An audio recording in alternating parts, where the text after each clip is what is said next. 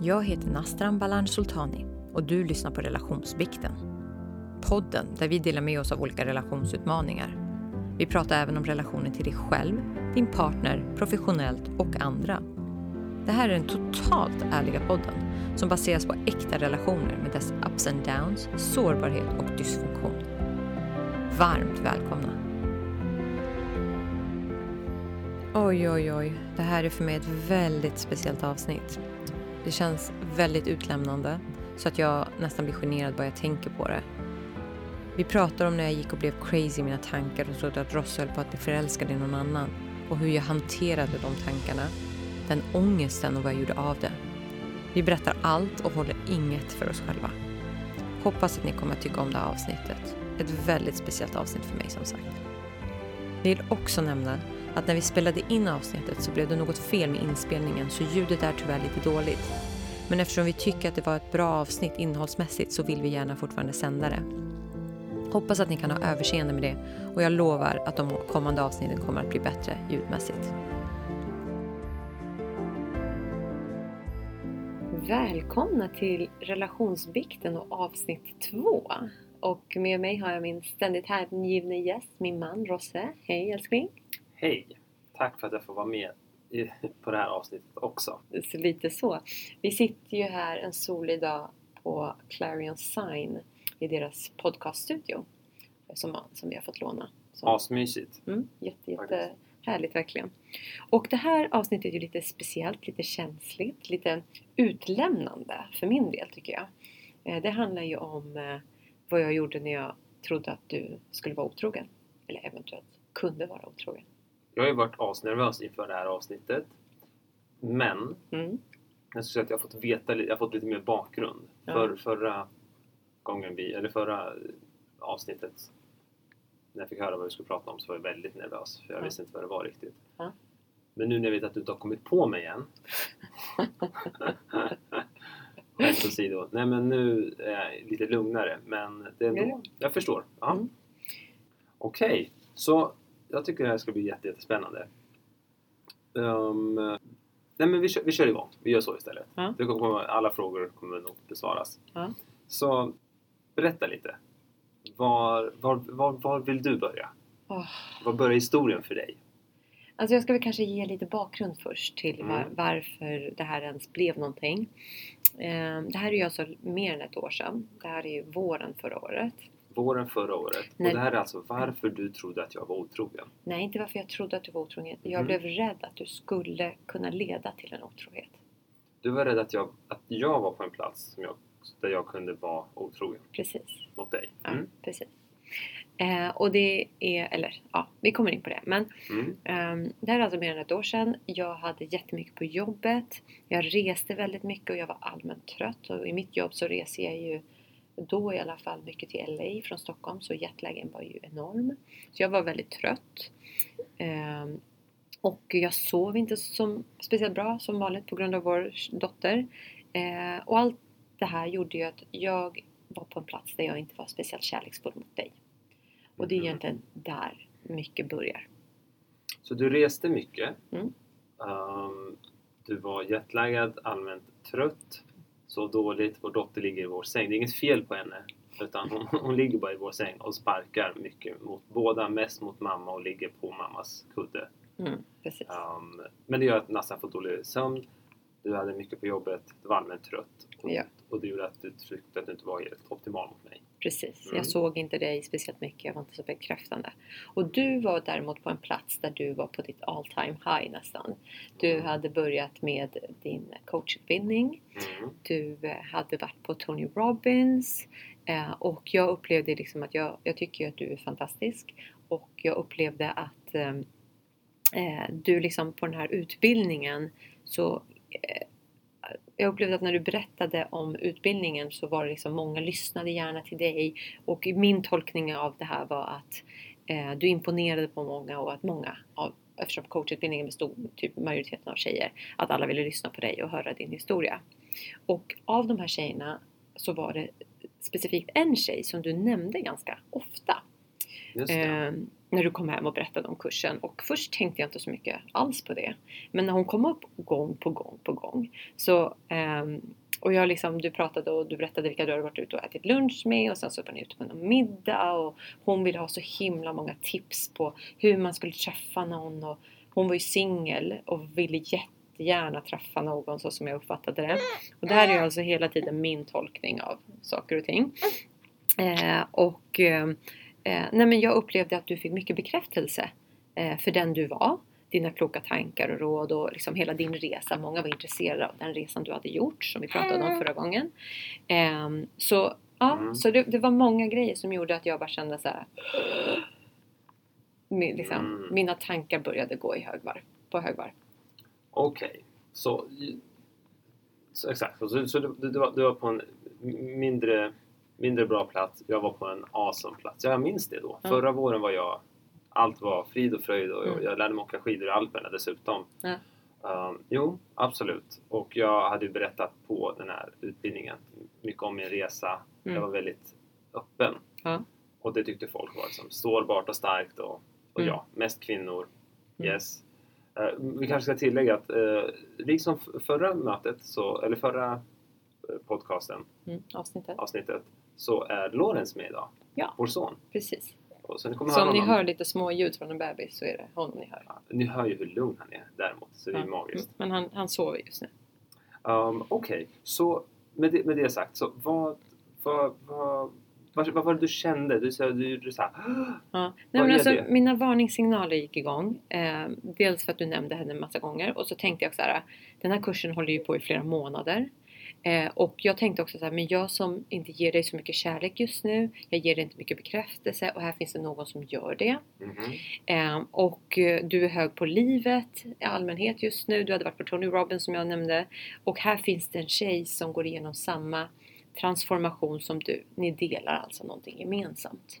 Just det. Och då tänkte jag att det skulle ta över. Det där som ni delar kommer ta över det kommer känslomässigt ta över allting annat. Mm. Eh, okay, och så, så tänkte jag också, liksom, eh, hon är singel, hon vill gärna träffa någon och i mitt huvud så var hon såklart ute efter dig. Eh, för du är ju det bästa, tycker jag. Eh, och det såg ju såklart hon också. Och vi delar småbarn, jobbiga, till jobbiga nätter. Eh, ni delar inget tjafs över barn och inte heller liksom eller att inte få någon egen tid utan ni delar bara roliga saker på, som den här kursen och ni kan skoja och för enligt mig var allting upplagt för en för, förälskelse. En romans. En romans. Eller inte en romans ska jag säga. För jag trodde ju inte att du skulle vara otrogen. Jag tänkte mer att han kommer bli kär och lämna mig.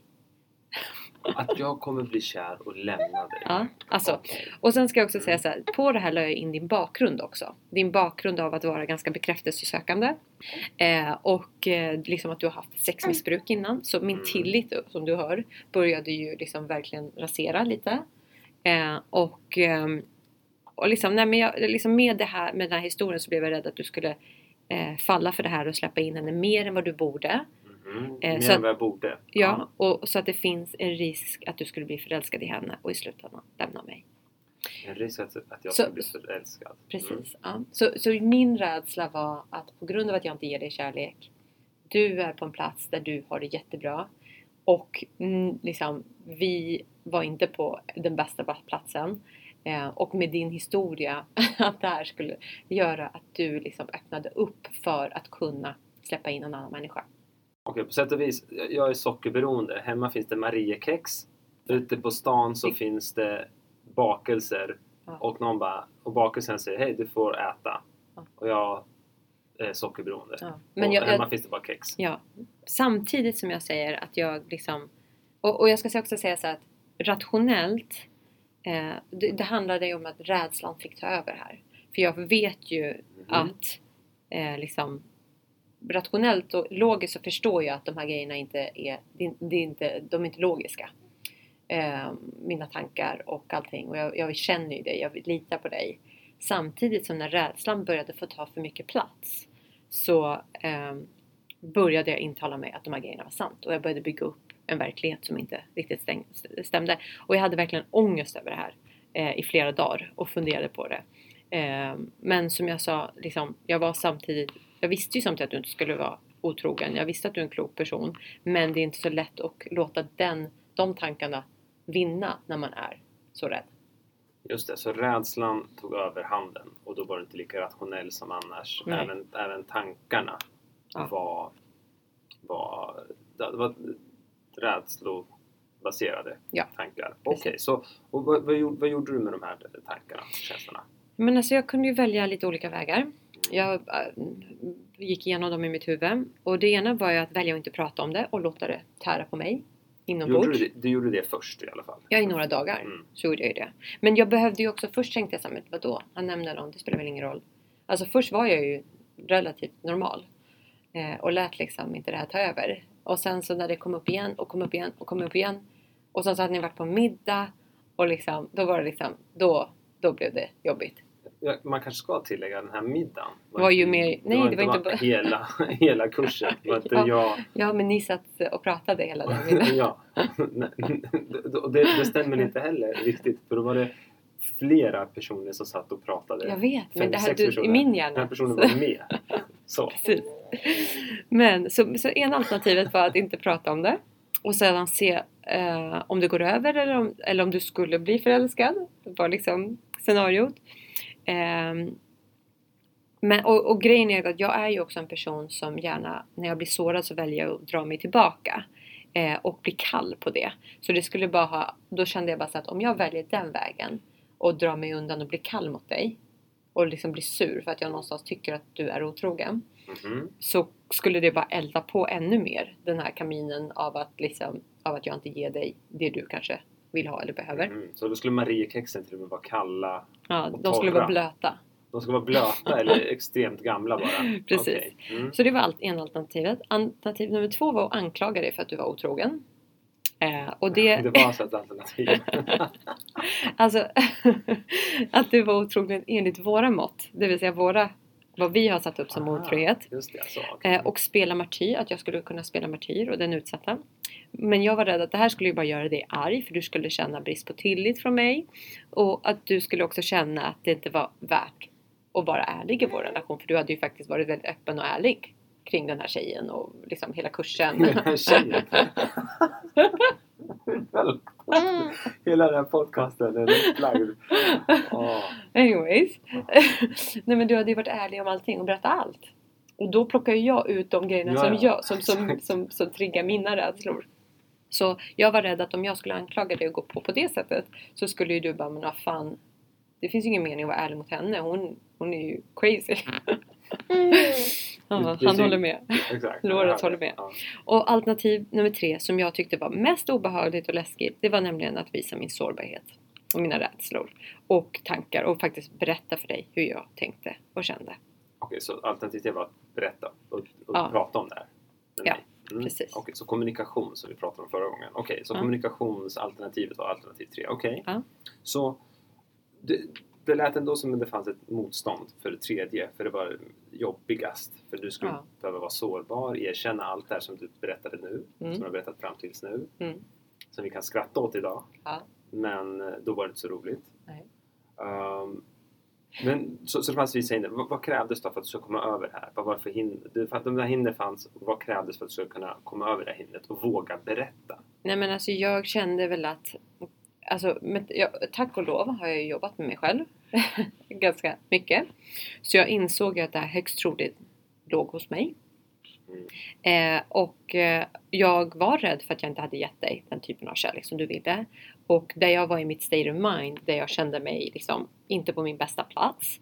Eh, där min självkänsla inte var på topp och så vidare. Så kom mina rädslor upp och mina grundantaganden fick plats igen. Mina Det grundantag... begreppet igen. Mm. Mm. Ja, och grundan, jag kanske ska berätta vad grundantaganden är då. Men grundantaganden är liksom det som formas hos oss människor de första levnadsåren. Baserat på vår omgivning, våra föräldrar och de människor som vi har runt omkring oss. Ehm, så har jag varit fullt trygg eh, och fått massa kärlek och blivit sedd för den jag är så kommer mina grundantaganden vara jag är värdefull eller och så vidare. Eh, Man har ungefär två, tre grundantaganden. Mhm. Eh, Medan mina grundantaganden, jag hade en ganska otrygg uppväxt. Vi flydde och min pappa var tvungen att liksom gömma sig väldigt mycket och som förälder hade man inte tid för barnen på samma sätt. Eh, så mina grundantaganden var att jag är inte värd att bli älskad. Aha, för den jag är. Okej, okay, så, så, exempelvis jag skriker, då blir jag upplockad eller bytt på eller mm. får mat eller något. Men i det här fallet kanske jag skriker, det finns inte riktigt tid för att Ja, och, och det var liksom såhär, sluta skrik. Alltså, mm. Jag var tvungen att vara någonting annat för att bli älskad. Just det. Mm. Eh, och, ehm, och så det, mm. den, den grundantagandet sitter hos mig och, och då kom, när, när jag har mina rädslor på topp då dyker det här upp igen. Det här är ju något som, som inte går att förändra utan jag måste jobba med mina tankar hela tiden för, eh, för att liksom kunna inte föda den här, de här grundantagandena som jag har. Okay. Eh, så eh, ja, och mina automatiska tankar kring också att, in, att det inte går att lita på män. Jag, liksom, som jag har fått med mig från mina föräldrars relation. Okay, så de här grundantagandena mm gör sen också att det blir lättare att, få vissa automatiska tankar eller inte. Ja. Baserat på vilken uppväxt man har haft förstås och vilken uppfostran, vilken ja. miljö. Okej. Okay. Det finns grundantaganden, sen har man sekundära antaganden som är liksom livsreglerna egentligen. Som man skapar runt omkring sig. Mm. Och sen efter det har man automatiska tankar och allt det här gör ju att eh, baserat på vilka livsregler man har så skapar man vissa automatiska tankar som bekräftar ens sekundära antaganden och, eran, och ens grundantagande. Ah, vad spännande. Mm, eh, okay. Så i alla fall mina automatiska tankar som liksom att det inte går att lita på någon och speciellt inte män. Det var mm. någonting som också dök upp liksom och, och liksom tog plats igen. Och detta trots att du hade jobbat med dig själv, ja. du hade jobbat ihop. Så ja. tänk då, vad spännande, ja. bara som en parentes, tänk då hur det är för folk som ändå inte har jobbat med sig själva, jobbat med sina grundantaganden, identifierat att det här finns. Mm och det händer en sån här sak. Det hade ja. kunnat balla ur helt i en annan relation. Absolut. Där ja, någon partner får namnsjukan på mm. någon mm. annan. Mm. verkligen. Mm. Okej, okay, så, så och hur, hur, hur ja, ja hur, vad krävdes då? Hur ja. tog du upp det? Berätta. Nej, men alltså, jag minns ju men jag vill höra vad, Nej, men alltså, Jag var ju jätterädd att ta upp det här. Jag var rädd för att du kommer bli arg. Tänk om det också... Tänk, den värsta rädslan var ju tänk om det finns en sanning i det här. Eh, bland mina rädslor. Det vill säga att du kommer eh, liksom erkänna att du faktiskt är attraherad av den här personen. Eh, eller att du kommer, ännu värre, att du kommer känna att du inte kan vara ärlig mot mig i framtiden. Så jag, eh, jag tyckte det var väldigt läskigt. Men jag valde att berätta på ett sårbart sätt. Jag kände så här att nu ska jag inte gå in och anklaga utan jag ska utgå från mig själv. För det här ligger högst troligen hos mig. Ehm, och, eh, liksom, och dela med mig att det här handlar om mina rädslor eh, och, hur, och verkligen vara totalt ärlig med hur jag kände och tänkte för att sen se om det fanns någon sanning bakom det här. Så jag berättade allt för dig eh, och eh, jag berättade också liksom att liksom, jag känner att jag inte har gett dig tillräckligt med bekräftelse, jag känner inte att jag har sett dig och så vidare. Och sen så liksom Eh, och att jag var rädd att du kanske kände att du fick det hos den här tjejen. Eh, ja, och att jag mm. också var rädd för att du i och med allt det här skulle börja öppna upp för någonting. Öppna upp för att kunna bli förälskad i en annan människa. Just det, så du tog upp allting. Du var väldigt utlämnande, sårbar och väldigt modig får jag ändå säga. För det kände jag där och då. Um, hur, jag kände det då, men hur reagerade jag? Nej men alltså jag, jag vill också bara säga så här, jag valde ju faktiskt att ta upp det här på en käns- det här som vi pratade om mm. i förra avsnittet eh, under en känslostund. Just det. För det gjorde det tror jag var lite nyckeln för att jag skulle dels våga men också för att du kunde inte hoppa in och avbryta mig. Just det. Utan jag var tvungen, för under känslostunden får man ju prata utan att den andra avbryter. Så jag valde att göra det då eh, och säga att det här har varit något, har varit något som jag har tänkt på. Eh, och eh, liksom eh, där jag visste att du var tvungen att lyssna till slutet så jag fick berätta allt. Och det tror jag var en förutsättning. Och det här var ju jobbigt till att börja med. Jag hade ju liksom hjärtklappning och jag, det var en kombination av att jag ville börja gråta och springa därifrån. För att jag tyckte det var jobbigt. Eh, det krävdes mycket sårbarhet och det är inte min starkaste sida. Eh, men eh, det, det, ja, men eh, Ja, men jag kände samtidigt att det var liksom det mest avväpnande och kärleksfulla jag kunde göra. Eh, att uttrycka det på det här sättet. Sen fick du hantera det som du ville. Men vad gjorde jag då? Hur reagerade jag? Eh, ja, alltså du, du kunde inte hålla dig för skatt till att börja med. Och det, det ska jag säga också, att det gör jag varje gång när någonting smakar jättegott. Det bubblar liksom i magen. Det här kan vara till exempel när jag växte upp och min mamma kunde säga någonting till mig så här, Jag vet vad du har gjort. Och sen så visste jag så här, jag vet exakt vad hon vill prata om. Och jag vet att hon har helt och hållet fel, det är missuppfattning. Men jag ska Ah. låta henne prata till punkt. Jag ska bara njuta av att hon ska att hon Aha. vet att det här är helt... Alltså, låt mig bara njuta färdigt. Men här, här fick jag inte ens avbryta i vårt fall. Ja. Så jag, var, jag njöt fullt ut för jag visste ju vad det här skulle leda. När du började ta upp det så ah okej nu jag tror jag vet vem, vem hon ska syfta på också till och med tänkte jag. Och sen, ja, så jag satt där bara, mm just det, jo hon har nog rätt. Jag har haft namnsjukan på den personen men det är bara för att vi kommer från samma land och jag har pratat med henne mer. Hon Mm. påminde mig om Nastaran. Jaha, där ser du. Men, mm, Där exakt. ser du. Ja, ja, men det, fanns eh, fog för mina, mina Exakt. rädslor. Jag, jag, var, jag, var, jag var, hade en affär, jag var kär. Och, nej, nej, men, nej men att det var liksom så här, ja jag hade ju umgåtts mer med henne. Mm. Man får inte glömma att de flesta kvinnorna som går sådana här kurser dessutom Mm. är 45 plus Mm. ändå. Det, var, det, är de, det är merparten. Mm. Um, så det här var en av få som var 30 tror jag var. Mm. Tror jag. Jag vet inte ens. Så lammkött jämfört med mig. Ja, dessutom. Du är ju ett år äldre än jag är. Jag är sex månader äldre än dig. Okej. Anyways. ehm, Så, så jag Så du- skrattade och jag log. ja, och du, eh, du ja. speglade och skrattade liksom det jag hade sagt. Men jag hånade inte dig. Nej, och det, jag tror att det- är också en av dina mest, alltså fina, väldigt fina sidor. Jag tycker att de, den är fantastisk faktiskt. Nämligen att du kan skratta så hjärtligt åt vissa saker och ting när vi diskuterar och även när vi bråkar. Eh, vilket gör att det, liksom, det gör hela situationen så mycket mer avväpnande. Eh, och det blir mycket lättare. Och liksom när du skrattar så inser jag också att okej, det här låg verkligen bara hos mig. Eh, för då inser jag att det stämmer liksom inte. Och du tog inte åt dig heller. Du tog det inte personligt. Eh, utan du förstod att det här ligger hos mig. Du blev inte arg. Ehm, men du förklarade samtidigt att det finns verkligen ingenting i det här. Och att, ehm, och att du verkligen varken söker eller behöver den här bekräftelsen längre. Vilket jag var rädd för.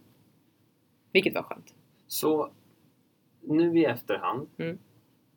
eh, med all rädsla Mm. och eh, alla, alla egentligen hinder, jag skulle säga att alla hinder som fanns för att du skulle ta upp det här. Mm. Eh, en av nycklarna har du gått, i, gått igenom. Det var ju att det fanns en plattform, en, Ja. en, ett safe space. Ja. Eh, och det var vår känslostund där det fanns som det här, då får jag ta upp vad jag vill och han måste vara tyst. Låt mig Mm. prata till punkt. Mm. Så det fanns, det var en, en av Ja. nycklarna. Ja. Och vad var det andra som gjorde att du ändå vågade ta upp, ta upp det här till slut Nej men jag visste, jag vet ju att sårbarhet är en nyckel för att få en lycklig, för att få ett lyckligt liv. Sårbarhet är nyckeln för att få ett lyckligt Ja, liv. och en lycklig relation. Så jag visste att jag måste bara bita i det sura äpplet och våga erkänna det. För det tär på mig, det här är inte bra. Det här, och eh, allt jag gör om jag är tyst gör, betyder att jag bara beter mig så som jag gjort förut. Och det har aldrig lett till något positivt. Så jag Mhm. måste bryta, när jag tycker att det är jobbigt så måste jag vara modig och gå emot den här rädslan och bara kommunicera och prata och faktiskt vara sårbar. För det är det mest kärleksfulla jag kan göra mot dig och Mm. mot mig själv. Och det var ju verkligen så att när, jag, när vi hade pratat om det här så kunde jag ju släppa det på en gång. Inte en sekund mer la jag att tänka på det här. Inte en sekund mer la du på det. Du kunde släppa det på Ja. en gång. Och liksom jag, tänk att jag hade gått omkring och lagt så mycket energi på något som inte betyder någonting eh, istället för att ta upp det. Eh, och när jag väl gjorde det så liksom släpptes en stor sten och jag kände bara att jag älskade dig ännu mer. Eh, där jag kan, när jag kan liksom ta upp något så känsligt och delikat som det ändå var. Eh, liksom där jag blottar hela mitt hjärta. Eh, och du kunde ta emot det så mjukt liksom. Eh, med både bomull och varmt skratt. Så, och tack för det. Och jag du säga. gjorde hela situationen väldigt komisk istället. Nu gjorde situationen komisk. Och vi Ja. kunde skratta åt det. Ja. För att du vågade vara sårbar. Observera, hade du varit anklagande. Ja, så hade det inte gått. Så sårbarhet.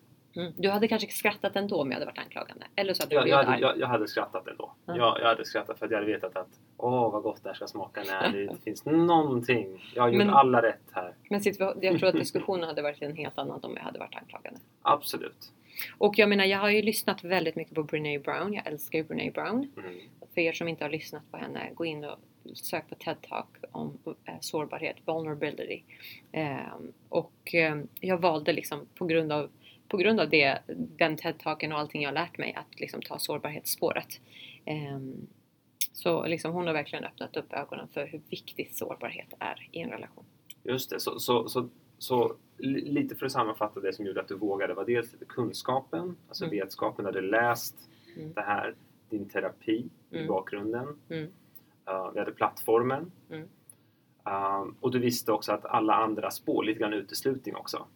Mm. Anklagande eller uh, var tyst Ja. och in i dig själv ledde Mm. bara till Ja, uh, precis. mer av det du har. Så Mm. på sätt och vis, Mm. om jag hörde rätt, sårbarheten Mm. led, leder dig också till att uh, utvecklas. Ja, absolut. För att när du, annars har du gjort samma sak som du alltid hade gjort sa du Mm. förut också. Mm. Så jag vill bara fånga upp den. Mm. Okej, så sårbarheten hjälper dig också att utvecklas. Ja, och jag tror Mm. att, att genom att jag har jobbat med mig själv också, så, så, eller jag tror att alla människor kan göra det här, om de bara tar ett steg bak från sig själva eh, så kan man nog eh, tänka igenom vad kommer de här alternativen att leda till. Om jag gör Mm. precis som jag alltid gör, för det är så lätt att bli arg på den andra och Ett steg bak, förlåt att jag avbryter. Steg bak, men att man liksom ja, men zoomar ut från sig själv. ut. Okej, Ja, istället för att Mm. vara inne i sig själv och sitt ego. Eh, att man bara zoomar ut från sig Mm. själv lite och tänker så här: okej, vad finns det för alternativ? Eh, vad kommer de här alternativen att leda till? Mm. Vad är de mest naturliga eller vad liksom baserat på erfarenhet? Vad kommer det här leda till? Och sen bara gå tillbaka och se, tänka så här: vad ligger hos mig? Var kommer de här tankarna ifrån? Att backa bandet. Att ut, inte bara känna så här, jag är arg, jag är rädd, jag är det, liksom, de kanske går att identifiera, men va, varför? Var kommer det här ifrån? Och liksom i mitt fall så handlade det ju om att jag jag skrev förmodligen i min dagbok, jag använder ju dagbok som ett verktyg också. Okej, Så jag, så jag Mm. har ju säkert skrivit om det här där, jag minns inte det nu. Men liksom att kunna identifiera mina rädslor, men vad är det jag är rädd för? Och var kommer det ifrån? tror jag hjälper jättemycket. Och sen liksom att man väljer att vara modig. För det Mm. är så svårt att vara modig och vara sårbar, men att man väljer det.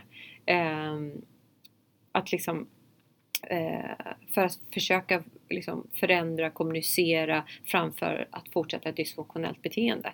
Eh, och egentligen i mitt fall välja ett beteende som har styrt mitt liv väldigt, i väldigt många år. Eh, som inte alls har varit bra. Så, så, så ett aktivt val. Men det är flera aktiva... Ja, så som jag ska sammanfatta så är det Mm. väl liksom identifiera sina känslor. Det är jätteviktigt. Mm. Ehm, eh, välja mod. Alltså vara Mm. modig och gå emot bara de instinkter som man har. Eh, om det nu instinkterna är att anklaga eller liksom, jag tror att alltid sårbarhet är bäst. Oavsett om det faktiskt var att du hade varit otrogen. Så är det mycket mer eh, effektivt om jag kommer att säga jag känner så här, jag är rädd för det här. Sen kan du bekräfta eller dementera. Men att gå och, säga, och vara anklagande tror jag aldrig leder till en eh, konstruktiv eh, kommunikation. Eh, ett konstruktivt samtal. Eh, så det, men sen så tror jag att det är väldigt viktigt att också välja rätt tillfälle att prata om det.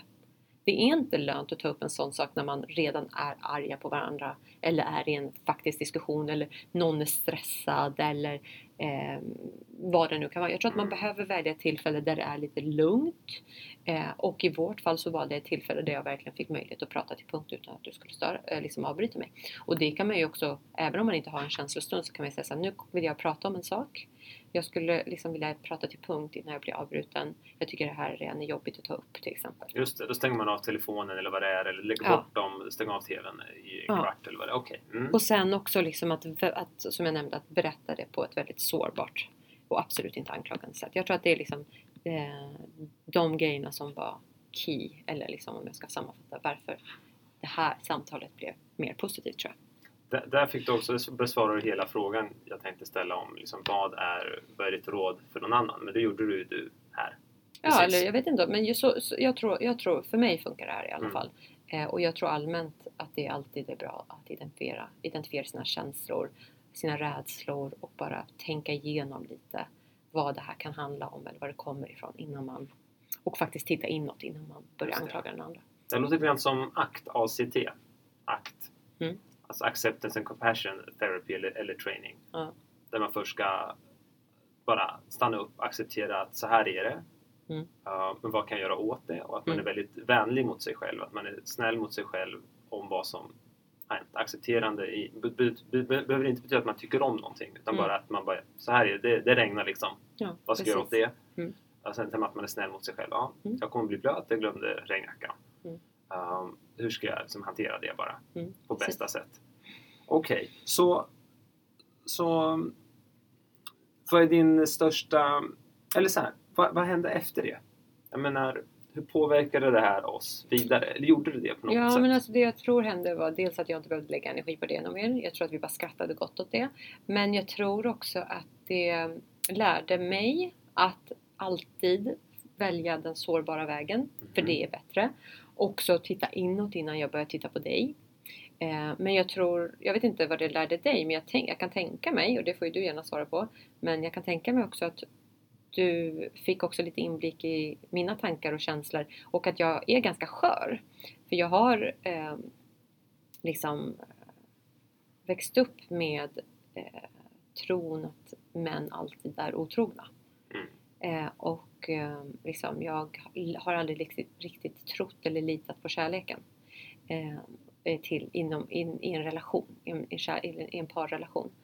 Och eh, så du vet ju också att jag kanske är lite skör och är jag på en dålig plats. Oftast när du pratar om olika människor så blinkar jag inte ens. Alltså jag, jag är inte svartsjuk. Lyssnar inte ens. Nej, jag lyssnar knappt. Nej, men så jag är inte svartsjuk på det sättet. Men är jag inte på en bra plats så kan det sätta igång tankar som handlar egentligen om mitt egenvärde. Eller Just det. egenvärde. Att man kan vara lite skör, ja. Jo, men eh, det kan jag säga. Jag kan Mm. berätta lite, bara Mm. väldigt, väldigt någon, på någon minut bara. Ja. Uh, jag tog med mig dels att jag hade haft lite namnsjukan. Ja. Men jag hade inte så mycket att berätta förutom det. Sen var det alla insikter och Mm. allting man lärde sig. Hela kursen. Ja, hela kursen var jätteintressant. Jag kom hem och berättade det varje dag förstås. Ja. Men eh, det var ju pauserna så... Jag, menar, jag stod med henne och några till. Mm. Så blev det. Jag liksom knöt an till henne på sätt för att hon var väldigt, väldigt intresserad. Hon hade bara haft dåliga erfarenheter av män. Ja. Och så kom en kille som hade utländsk bakgrund från samma land som hon var. Ja. Och, och pratade på ett sätt som var så här. Oj, och det sa hon flera gånger. Det där är precis... Det jag vill jag- ha. Nej men, ja, men nästan så. Hur gjorde du? För det är där, det, där, det här jag letar efter. Ja. Jag menar, då sa jag så här, ja, skaffa dig en, liksom, var, var tuff. Mm. Så här, det var liksom det som vi kom fram till, var tuff. Och det, det, det, jag tycker att vara sårbar Mm. att vara tuff. Först mot sig själv, men det är lite tuff. Det är lite tough love. Mm. Det, är- det, är inte, det är inte skönt att vara sårbar. Mm. Nej. Alltså, Nej. där och då. Men det är liksom, det, det, medicin är så. Det smakar lite beskt ibland. Mm. Eh, Men det gör väldigt, väldigt gott på sikt. Så, så det, det är lite det. Så att, och det var ju det, var det jag och hon pratade om. Och jag känner mig, så, ja, jag känner mig såklart bekräftad av henne också. Eh, men det var ju inte... Jag var ju noll intresserad, det ska jag säga. Så därför kunde jag skratta åt det hela. Mm. För jag hade också en insikt om att ja, men självklart spelar det här roll. Att jag är ute och har, lär mig massor, på, kommer hem varje dag och är helt så här. Jag, är bara, bu- jag bubblar. Så mycket vill jag berätta för dig som är intresserad av de ämnena som jag hade lärt mig mycket om. Mm. Uh, jag var också väldigt eh, imponerad av att du vågade vara sårbar. Jag tycker du var väldigt modig. Jag vill ändå liksom, eh, vad ska man kalla det, eh, belöna det, förära det. Genom att skratta åt Ja, mig. exakt. Genom att skratta åt det egentligen. Ja. Att, att ämnet var, nu ska jag använda det här ordet, att, att ämnet i sig var, var viktigt. Men att det var löjligt att jag och du pratade om så. Jag tyckte det var löjligt. Inte att du är löjlig, utan Mm. att det var löjligt. För att vi är så, så långt förbi det. Mm. Att jag skulle vara, Otrogen.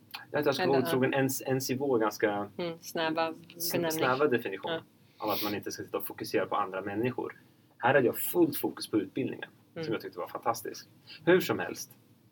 Um, jag ska säga, min, min, min, så, så det, finns ju, det finns ju många takeaways här i alla fall. Ja. Vad skulle du säga är eh, din absolut största takeaway? Eh, att sårbarhet är nyckeln till en bra relation.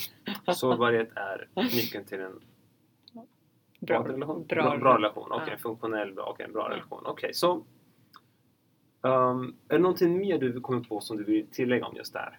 Nej, jag tror inte det. Jag tror att liksom, det är kärnan i allt och att försöka identifiera sina liksom, eh, känslor. Eh, och självklart så kräver det också att en, en partner kan vara väldigt ärlig och ta emot sårbarheten. För det är inte alla som kan det. För det är ju så Mm. att om man också är sårbar och den andra skulle trampa på det så kommer ju jag aldrig vara sårbar igen. Just det, det belönas inte. Ja, nej, just det. precis. Så det är ju viktigt att ens partner tar emot det här på ett väldigt fint sätt.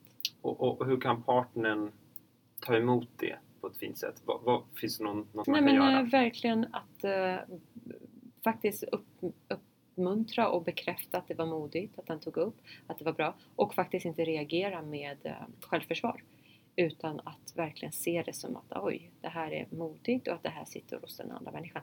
Om det nu Mm. gör det. Finns det något hos en själv så är det också läge att vara sårbar tillbaka och säga du, du, ja, du kanske har rätt i det där. Jag, jag uppskattar verkligen att du tog upp det här. Men eh, du ska också veta att jag har faktiskt känt att du inte har riktigt bekräftat mig. Eh, och det kan ha varit att jag gick igång på det här. Betyder inte att jag är intresserad men att, men att man faktiskt vågar Mm. vara ärlig tillbaka för det tror jag gör jättemycket också. Just det, jättebra. Så man kan, man kan, man, det, det är inget fel att erkänna om det finns ett, ett uns sanning. Man behöver, Nej. det behöver inte betyda att allt är sant eller det behöver inte betyda att... Ja, Ju, just ju det. ärligare man kan vara mot varandra eh, desto bättre. Bra slutkläm. Ja. Så ärlighet, sårbarhet. Sårbarhet föder ärlighet om Ja. båda är överens om att det är sårbart är bra. Mm. Ja. Okej, så, så Tror att, ja. Får jag lägga in en grej då? Ja. Jag tror det kan vara viktigt om, Mm. jag, om jag får att man pratar om samma saker. Så om man, om man, om man är ett par nu Mm. och nu ska börja vara helt sårbara med varandra Mm. så kanske det är bra att man sätter sig ner och säger det. Att Ja. nu tycker jag att vi går vår relation behöver vi vara sårbara och för mig innebär det Mm. klick, klack, klick vad Mm. det nu är. Mm. Och så när jag säger så här, nu vill jag vara sårbar, Mm. då är det dags för dig att ta på de här glasögonen eller ta på Mm. de här hörlurarna för att Mm. nu, nu kommer någonting som är jättejobbigt och då är det dags för dig att agera. Till en början innan det är naturligt för oss. Och många, har- får bara Mm. bara lägga till att när vi har växt upp så har ju sårbarhet varit något negativt. Ja, ja, det är en, svag, det är svaghet. Det är en, en det är svaghet. en svaghet. Så för er som fortfarande tycker att sårbarhet är en svaghet, eller som tror att det är en svaghet, snälla gå in och eh, gå in på Youtube, sök på Brené Browns eh, Vulnerability TED Talk och lyssna på det.